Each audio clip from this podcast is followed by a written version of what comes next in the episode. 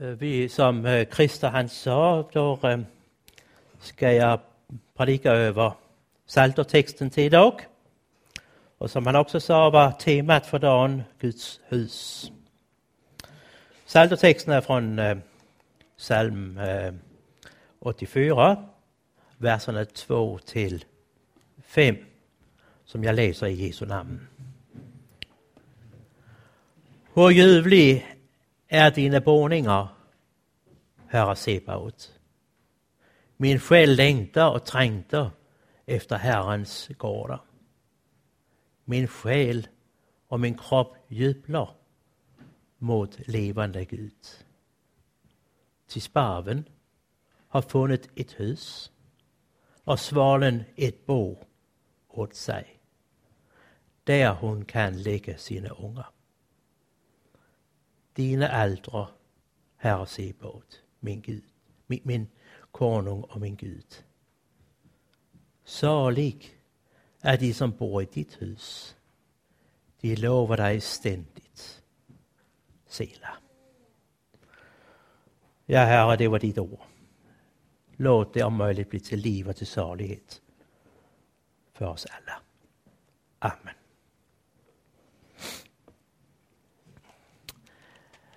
Um,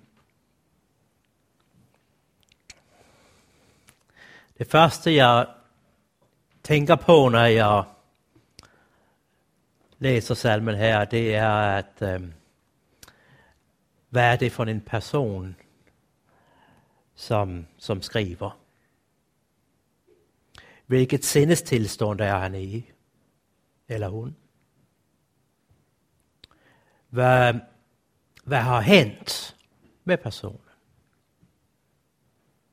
Hvem er det egentligen?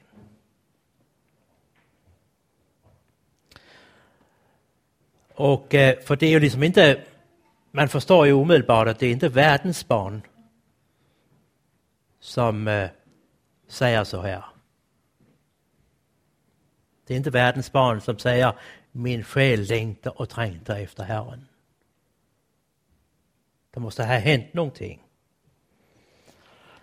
Och eh, øh, där finns många exempel på, det, øh, på, på, på sådana personer i Bibeln. Och eh, øh, förhoppningsvis är det också så att vi, vi själva har ett vittnesbörd eh, om något sånt. Eh, men jag skulle gärna ville, ville ta fram här nogle vers øh, som Paulus han skriver i Efeserbrevet kapitel 2. Där han skriver så här. Også er har Gud gjort levande. Ni som var döda genom er överträdelser och synder. Tidigare øh, levede, de, levede ni i, i, i, dem, i dem på den her verdens vis og følte herskeren over luftens rike. Den ande, som nu er værksam i ulydighedens zoner. Blandt dem var vi alle en gang, når vi følte vores øh, syndige begær og gjorde, hvad kjøttet og senet ville. Av naturen var vi vredens barn, vi ligger som de andre. Men Gud, som er rig på barmhärtighet, har älskat oss med så stor kärlek, också när vi ännu var döda genom våra överträdelser, att han har gjort oss levande tillsammans med Kristus. Av nåd är ni frälsta. Vi är döda i överträdelser, säger Paulus. Det vill säga inför Gud, då är vi ingenting som kan tillfredsställa hans helighet. Vi är döda i överträdelser. Och Gud har gett människan en gåva. Han har gjort oss levande med Kristus. Han har låtit oss vände vores blick från detta livet, från denna världen mot sin son. Han har låtit oss mer eller mindre inse hur vi är inddrængt av denna världen. Och at det enda sätt at vi kan släppa loss ur det mørke, det är att ta mod Jesus Kristus.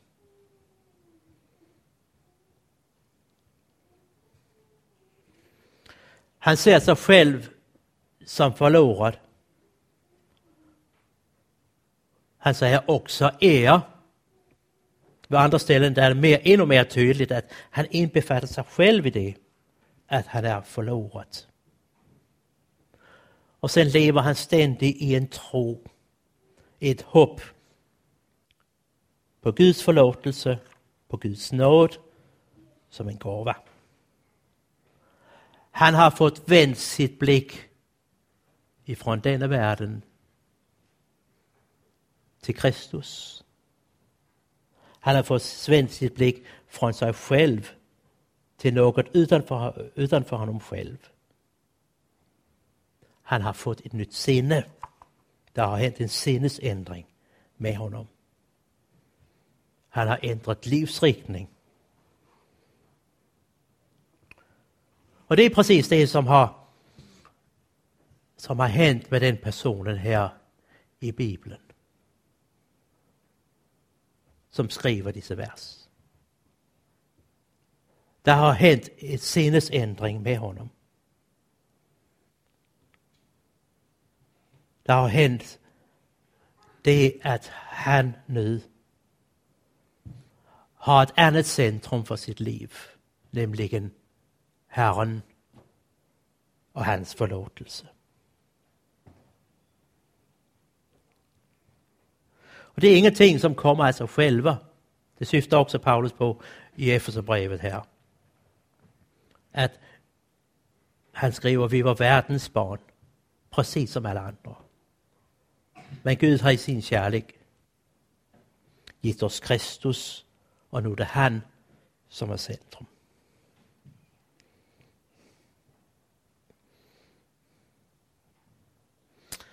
Tillbaks till, eh, øh, till salmen. Øhm. Um, hur ljuvliga är inte dina boningar, Herren Sebaot? Hvor ljudlig er inte dine boninger?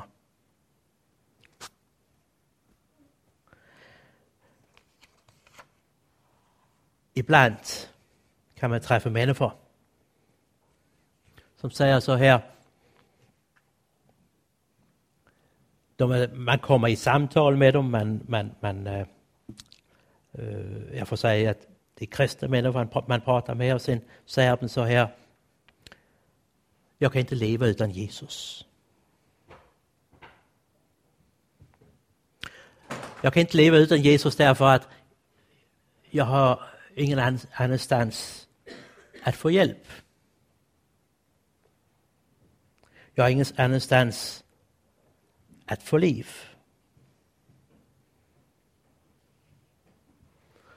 Det kan hända att tidigare hade varit så att de har nästan flytt, eller de har flytt från allt vad som hade med Gud, med Jesus, med kristendom att göra. Men de har fått ett nytt sinne. Och nu har de har de liksom funnit fram till en trygghet i Jesus.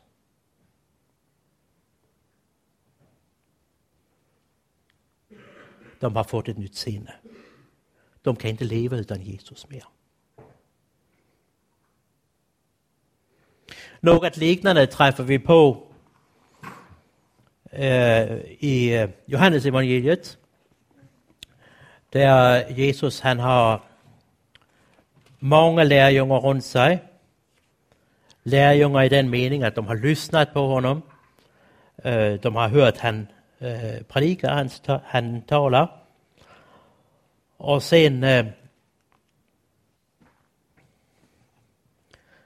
eh, øh, siger Jesus ved et tilfælde, at det er anden, som giver liv. Köttet der ingen nytte til. Og då øh, eh, börjar folk at dra sig tillbaks.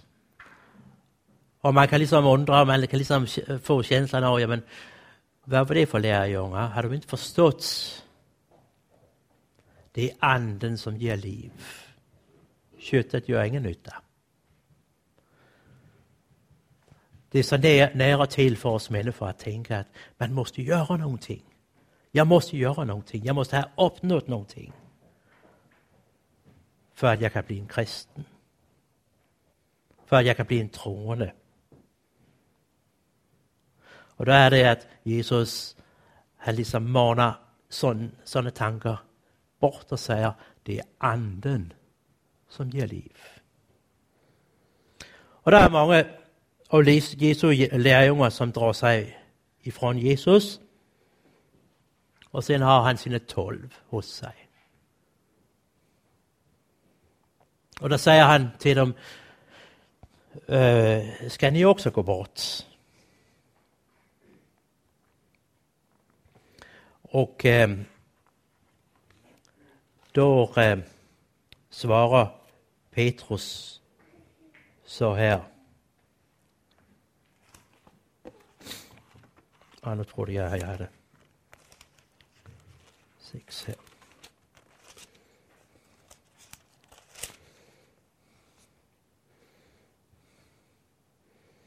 Skal vi se.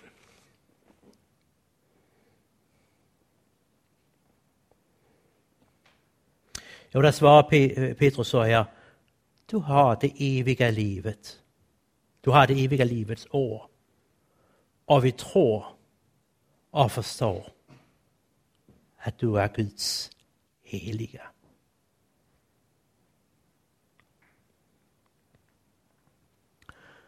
Du har det eviga livet. Du har det eviga livets år, säger, säger Petrus till Jesus. Underforstået, hvor skal vi annars gå, øh, gå hen og få det? Der finns ingen andra möjligheter. Eh, øh, man kan säga att hos Petrus har det hänt det att det har uppkommit en känsla av trygghet. En längtan efter ett gemenskap. Precis på samma sätt som ett barn som ser sina föräldrar på avstånd men vet, vet att de är där. Jag tror att ni föräldrar, eller vi föräldrar, känner till att våra barn står i en, i en folkgrupp och sen trycker de sig lite längre fram för att ska se någonting och sen vänder de sig runt och liksom kollar upp. Jo, de står där fortfarande. De, de har koll på, jag är här. Og det, det är det som, som Petrus ger uttryck för här.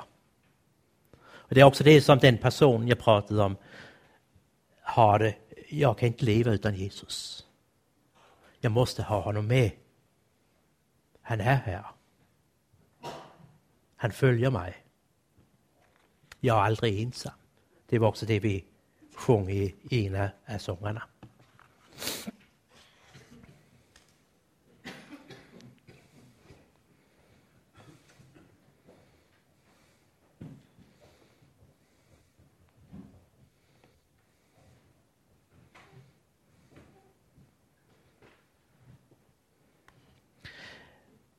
Jeg har prøvet lidt grann om, at en menneske, som har börjat söka Jesus har fått ett nytt sinne. Har en ständig längtan efter Jesus. Det nya sinnet växer, men man blir aldrig färdig med att växa. Man kommer aldrig till, längre än till Jesus och hans försoning. Utan mig kan ni inte alls göra någonting, säger Jesus i Johannes evangeliet. en person som har det så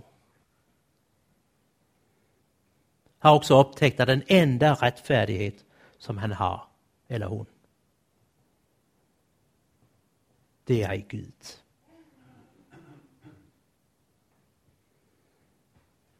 Det är vid mötet med Gud som frälsaren, med, med Jesus som frälsaren, att man finner frid.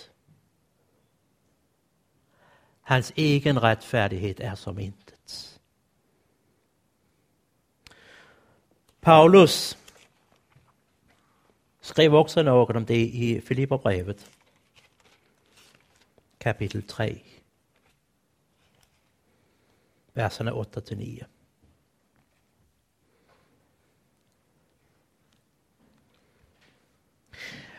Eh, det rör sig om att Paulus, som ni vet, var farisé.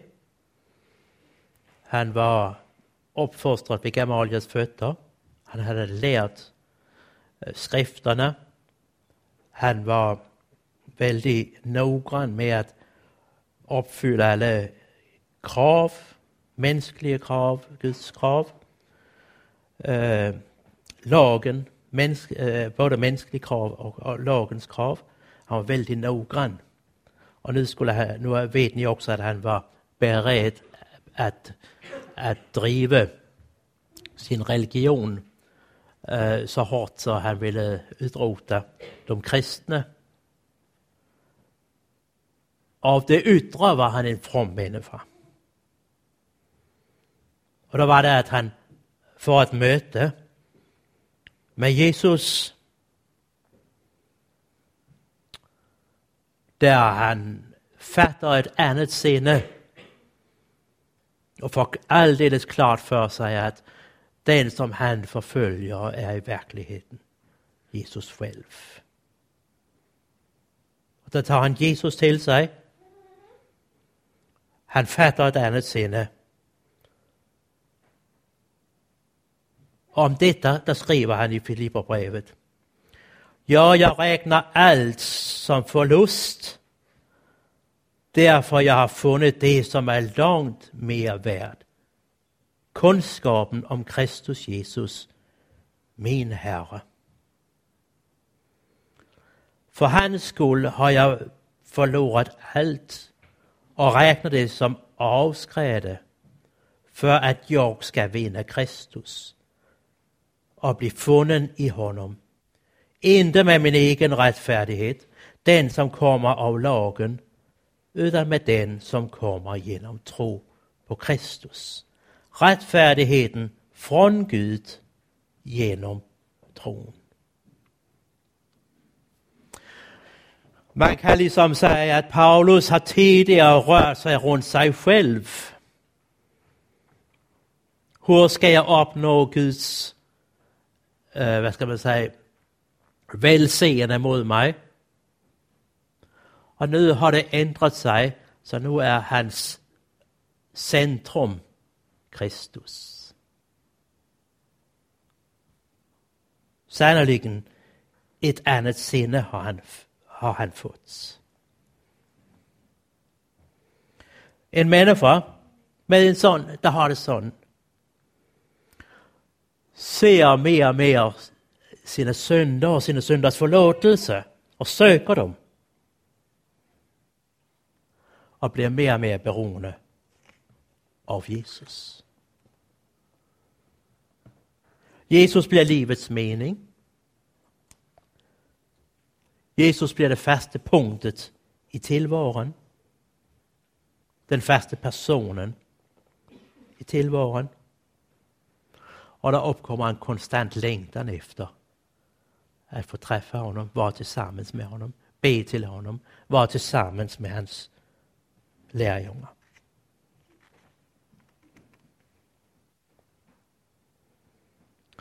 Och lovsången börjar att växa fram. Lovsången till Gud av att han har gjort allt för mig. Och det är också det som texten eh, øh, salmen här syftar på. Att lovsången Guds förlåtelse, Guds omsorg fyller hjärtat.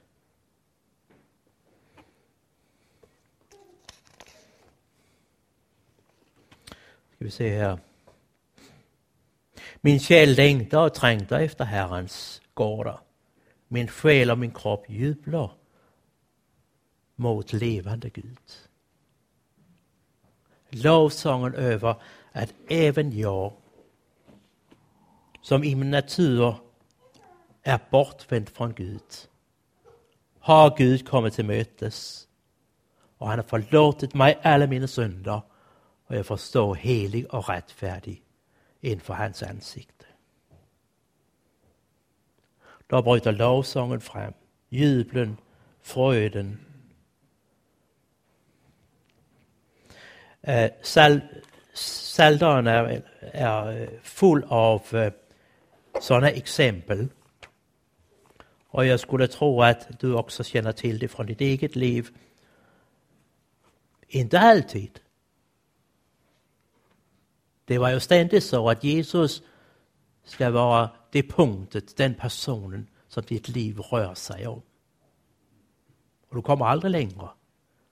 Men periodvis får du lov att se vad det är du har i Jesus. I periodvis fyller det dig så fullständigt så lovsången helt spontant fyller ditt hjärta. Man kan säga att du kommer på förklaringsberget och sen blir det vardag igen. Eh, jag skulle gärna vilja läsa en, en psalm, eller något från en psalm, från psalm 66, där vi har äh, øh, lovsången rätt så tydlig. För sångmästaren en sång, en psalm. Höj jubel till Gud, alla länder. Lovfung hans namns ära. Ge honom ära och pris. Säg till Gud, hur förunderlig är ej dine gärningar. Så stor är din makt att dina fiender kryper för dig. Alla jorden, nej alla länder ska tillbe och lovfunge dig. De ska lovfunge ditt namn, Selah.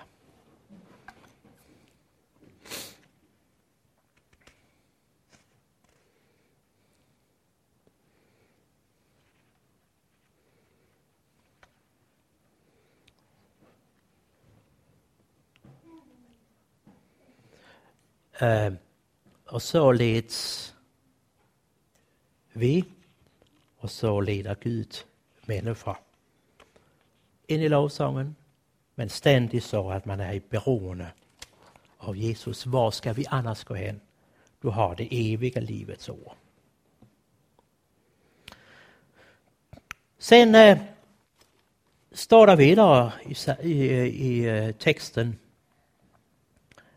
Det var inte det. Uh, der står videre, ty sparven har fundet et hus, og svalen et bo åt sig. Der hun kan lægge sine unger, din aldre herre Sebaot, min konung og min Gud.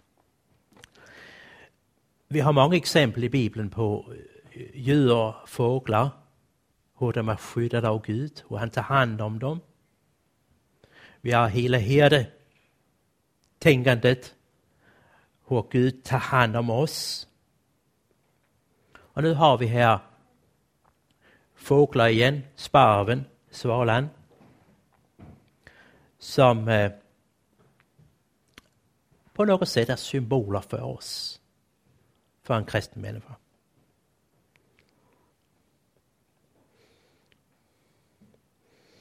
Um, ehm, och, øh, og hur man får hvile i, i, øh, i Guds närhet. Jag får lust att øh, berätta øh, från en bok, en dansk bok. Jag är osäker på om den finns i Sverige. Den är skriven av en øh, dam, Etna Hong heter hon. Øh, den omhandlar en, øh, eller huvudpersonen i boken har namnet Günther Og der tænker vi straks kanskje på et tysk navn, og det er ret. Eh, uh, hændelsen, uh, eh, bogens hændelse, som er sandfærdig, udspiller sig på 30-tallet i Tyskland. Uh, ni ved kanskje også, at 30-tallet i Tyskland var en tuff tid, særligt for personer, som havde olika handicap. Uh, Günther var misbildet, han øh, havde spastisk forlamning, han, havde, han var krøbling, han var vand, øh, hvad skal man sige, vandvækst. Øh, øh, og øh, ved tilfælde øh, øh, kommer ordvalget frem i bogen øh, Mennefo øh, skræbe eller Mennefo øh, sope. Og det var hvad, hvad man i Tyskland i 30-tallet, i slutet på 30-tallet, øh, anså den sortens mænd for vare. Günther kom på et hjem. Eh, øh, hans, ja, det, er en, det er en længere berettelse, kan man sige, men, men hans øh, farmor tyckte inte om att visa honom frem någonstans. Och øh, när han började att, att ge ljud ifrån sig, då, då, då fick hon honom på något hem och hon eh, øh, lämnade honom och gick snabbt därifrån. Så, så avskyvärt tyckte han var, hon var för honom. Eh, øhm, och där bodde han. Det var ett kristent hem. Der var en øh, pastor Fritz, som stod för hemmet. Och der var många andra av øh, Günthers typ. Øh, der var också en, en bra ven med namnet Kurt, som havde epilepsi og så svåre anfald, så han krampede ofte, ofte, ofte. Sen började julen nærme sig. Det blev julkvällen. Och Günther var så optaget av julen. Stämningen, ljusen, förberedelserna hade, hade ägt rum. Allt skulle vara så perfekt och så fint på julkvällen. Och sen, mitt under allt det högtidliga, då går Kurt i kramp. En väldigt allvarlig stor kramp som liksom drar, drar alles uppmärksamhet. Alla ledare, prästen och så vidare fick komma ta sig till honom för att hjälpa honom. Och Günther ser julkvällen som en stort, som ett stort kaos. Och där börjar han att fundere över, inte så där direkt, men lidt på om på, fundere över varför fejrer vi egentligen jul? Och efter många, många funderingar, han har varit en 17-18 år, efter många, många funderingar, då kommer han fram till den sanningen som som egentligen också, eller som är anledningen till att vi också firar jul. Jo, vi firar jul därför att det är skärva i allting.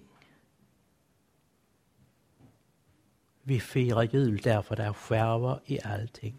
En skärv är ju en sån, för mig, nu vet jag, har jag, jag, jag, jag, jag, jag lite svårt med det svenska, men en skärv är en sån jack, eller en repa, eller den direkte har brustet.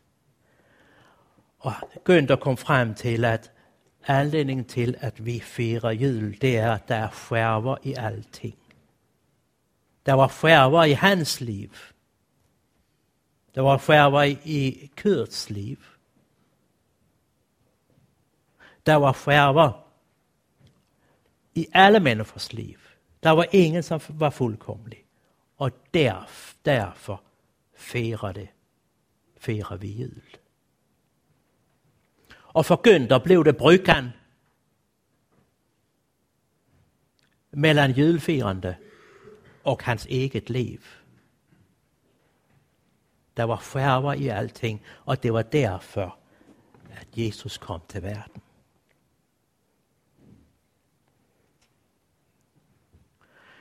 Vi firar inte jul bara därför att det är så vackert med lille barnet. Men vi firar jul därför att det är en sanning. Att där på något sätt börjar Gud direkt att sätta i stånd en försoning mellan han och dig och mig. Vi firar jul därför att det är skärvar i ditt liv och det är skärvar i mitt liv.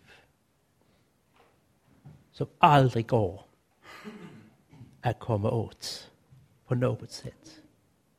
Det måste en försoning till.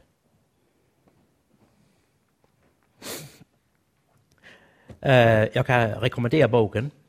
Den är bra till uh, øh, också till större barn kan man säga. Där man får en uppfattning, man lär sig vad människovärde är. Etna Hong, Hoppets dal heter den. Men jag har inte testat på, på svenska bibliotek om den finns där. Efter, jag måste säga det till, Günther. Efter att Günther hade kommit till den erkännande, där började han sjunga.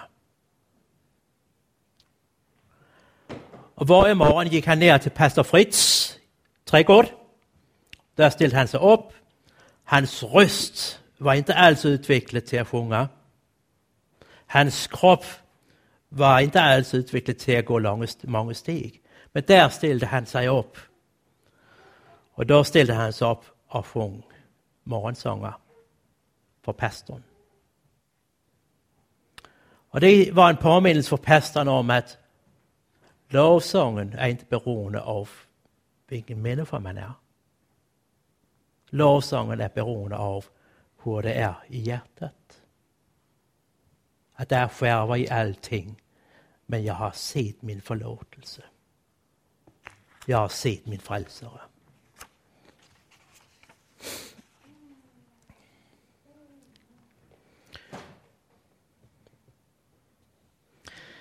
Uh, eh,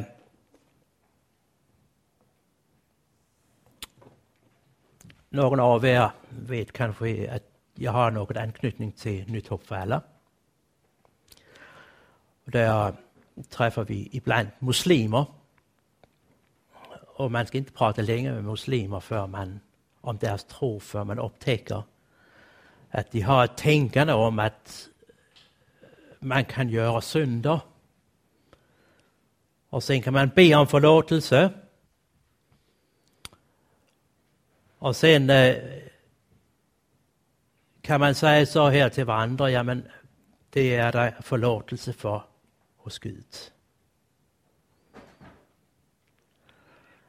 Men øh, eh, när man har en sådan samtale, då kan man också ställa frågan, när har man bett nog om förlåtelse?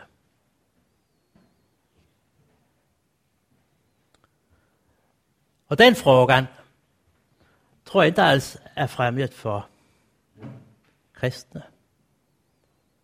När har jeg egentligen bedt tillräckligt Gud om förlåtelse?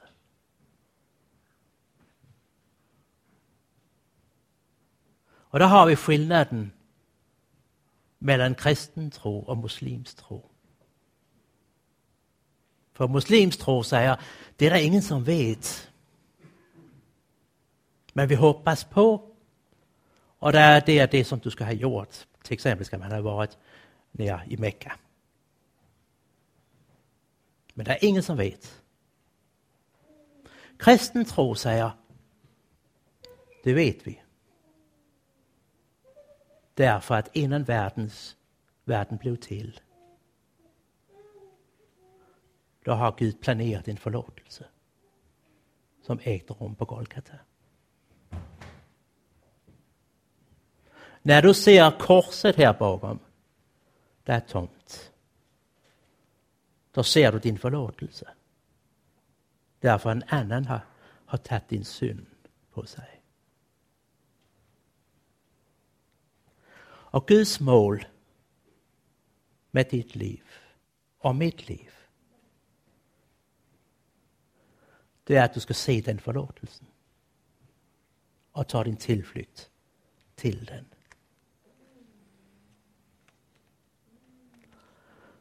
När du gör det, då händer någonting med dig. Der får du en frid. Guds frid. Som bygger på hans förlåtelse. Det är Guds vilja. Att du ska se din fullständiga förlåtelse. För Jesus skull. Och leva i den friden. Det er Guds vilja med dig. Och Guds vilja med mig. Och då kommer svaret också. Var ska vi annars gå hen? Du har det eviga livets år. Jag skulle gärna vilja avsluta min predikan ved att läsa några vers från Galaterbrevet kapitel 1. Nogle få vers der. Nåd vara med er och fred från Gud vår far som i Kristus Jesus och Herren Jesus Kristus som offrade sig för våra synder for at redde oss ur den nuvarande onda tidsåldern. Efter vår Guds och Faders vilje. Honom tillhör äran i evigheternas evighet. Amen. Du och jag skulle räddas ur den nuvarande världens tidsålder. Nej, øh, eh, nuvarande onda tidsåldern står det. Det vill säga att du och jag är på något sätt en del av denna världens tidsålder. Och det är så allvarligt så det måste en försoning till med Guds son. Så allvarligt är det för oss. Det står här. Och då var det Guds vilja. Att Jesus skulle ta straffet för oss.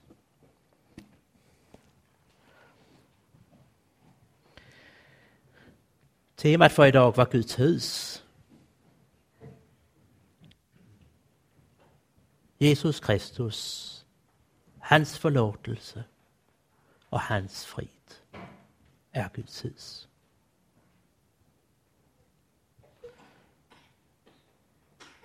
Vi beder. Tack himmelska far för att du viser oss vilka tankar du har om oss fridens tankar är ofrid. Tack för att vi får leva vårt liv tillsammans med dig og du älskar oss därför du älskar oss.